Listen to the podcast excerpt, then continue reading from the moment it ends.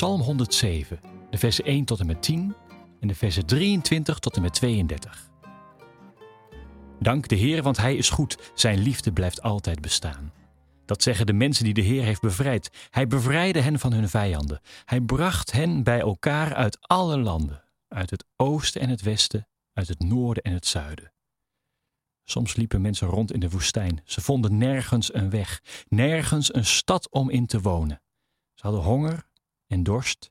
Ze gingen bijna dood. Ze waren bang, ze riepen naar de Heer en Hij bevrijdde hen uit het gevaar. Hij bracht hen naar een goede plek, naar een stad waar ze konden wonen. Laat iedereen de Heer danken, want Hij is trouw. Hij doet wonderen voor mensen. Aan mensen die dorst hadden gaf Hij te drinken, aan mensen die honger hadden gaf Hij te eten. Ze kregen meer dan genoeg. Soms zaten mensen in een donkere gevangenis. Ze zaten vast met ijzeren kettingen. Soms werden mensen gestraft omdat ze slecht leefden en kwaad deden. Soms zaten mensen in een boot op zee op weg naar verre landen. Op zee zagen ze de wonderen van de Heer, de grote daden die hij deed. Want toen de Heer een bevel gaf, ging het stormen. De golven werden heel hoog. De boten werden opgetild door de golven, de zeemannen voelden zich ellendig, ze vielen, ze leken wel dronken. Aan al hun kennis hadden ze niets. Ze waren bang, ze riepen naar de Heer en hij bevrijdde hen uit het gevaar. De Heer maakte een eind aan de storm, hij maakte de zee weer kalm. En de zeemannen waren blij. Toen bracht de Heer hen naar een veilige haven. Laat iedereen de Heer danken, want hij is trouw. Hij doet wonderen voor mensen.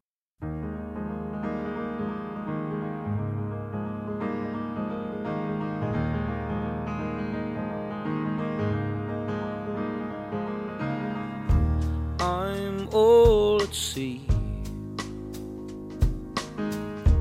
where no one can bother me or guard my roots. If only for a day, just me and my thoughts. Psalm 107 gaat over angst, maar ook over bevrijding en vertrouwen. Het is als een ballade van problemen die je als mens kunnen overkomen. Het lijden in de wereld kent vele verschijningsvormen. En in deze psalm gaat het vooral om het lijden dat mensen anderen of zichzelf aan kunnen doen. Het zijn een soort coupletten, met steeds dezelfde opbouw. Er is een situatie van zorgen en ellende. Er wordt gevraagd om hulp.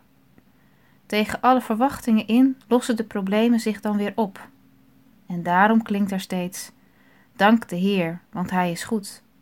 Zijn liefde blijft altijd bestaan.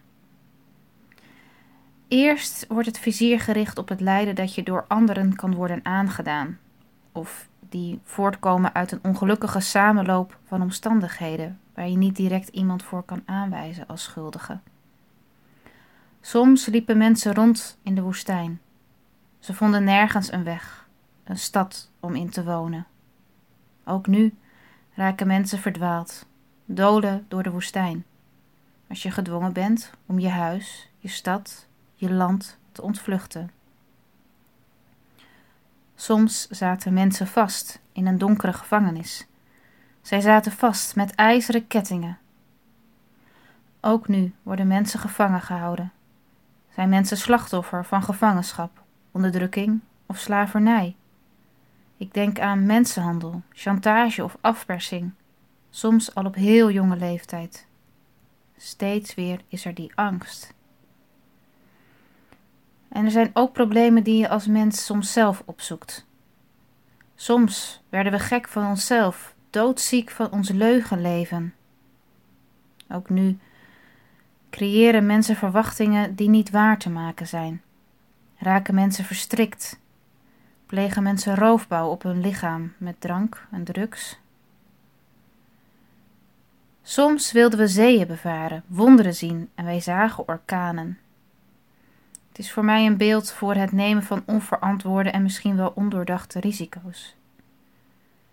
Wat mij opvalt is dat in deze psalm zowel de angst van mensen als de trouw van God een plaats krijgen. En tussen de regels door word je als lezer ook geconfronteerd met je eigen persoonlijke verantwoordelijkheid ten opzichte van anderen en van jezelf. Hoewel de onderstroom in de psalm steeds weer is dat God mensen redt en bevrijdt, worden de mensen niet onder tafel geveegd. De teneur is niet even tanden op elkaar, kom op, even doorzetten. Maar centraal staat de vraag hoe je het uithoudt in alle angst en onzekerheid. En daarin ontstaat ruimte voor erkenning van angst, pijn en verdriet. Daarin schuilt de hoop.